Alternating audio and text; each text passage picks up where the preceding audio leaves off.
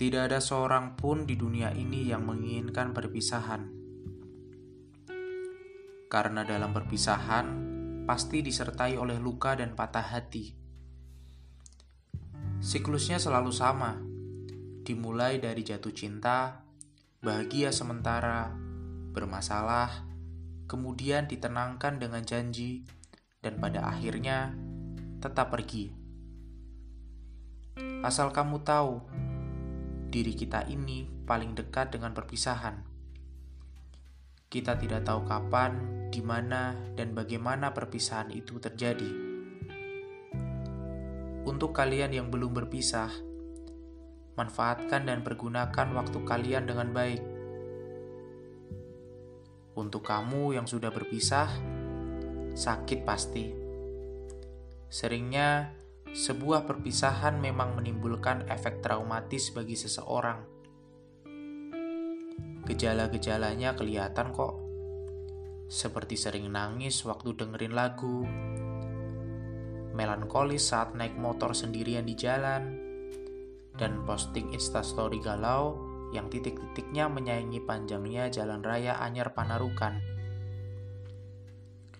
Perpisahan juga merubah sifat seseorang tadinya terbiasa ramai sekaligus humoris, bisa tiba-tiba jadi super pendiam. Terlebih lagi, perpisahan bisa benar-benar membunuh semangat seseorang. Bagaimana tidak? Kebiasaan-kebiasaan yang setiap harinya dilakukan berdua, seperti makan, jalan-jalan, bercanda, atau belajar, seketika tidak bisa dilakukan lagi karena masing-masing sudah pergi jauh. Ada juga orang yang karena mengalami perpisahan, dia melukai dirinya sendiri. Entah itu mengutuk hidup atau sampai dengan menggunakan benda untuk membuat tubuhnya terluka. Semua itu dilakukan dengan alasan sakitnya luka di tubuh tidak ada apa-apanya dengan luka di hati. Tapi tunggu dulu. Walaupun perpisahan itu menyakitkan, namun bisa jadi perpisahan memang jalan yang terbaik. Daripada kalian tinggal atau menetap dengan hati yang jika diperjuangkan hanya menimbulkan kekecewaan satu sama lain, kalau kataku, lebih baik pergi.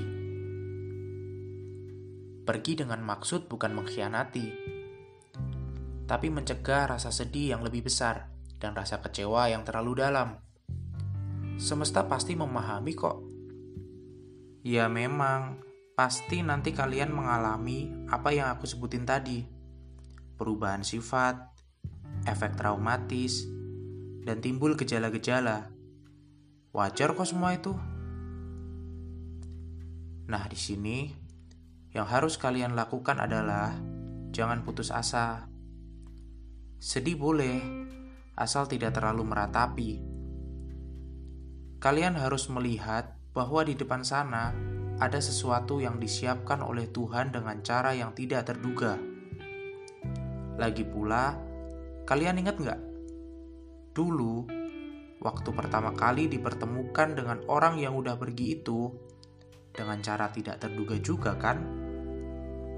Harusnya kalian yakin bahwa Tuhan di masa depan juga sudah mempersiapkan orang baru yang tentunya lebih baik dengan cara tidak terduga pula.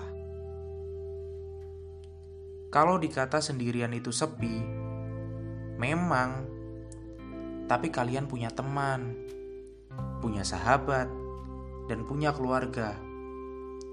Ayolah, kalian bisa kok sementara jalan sendiri sambil menunggu untuk dipertemukan dengan orang yang baru.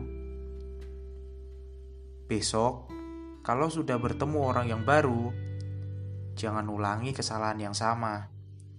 Perjuangkan, jaga, dan bahagiakanlah. Jangan sampai ada perpisahan lagi. Usahakan. Terima kasih, sampai ketemu lagi.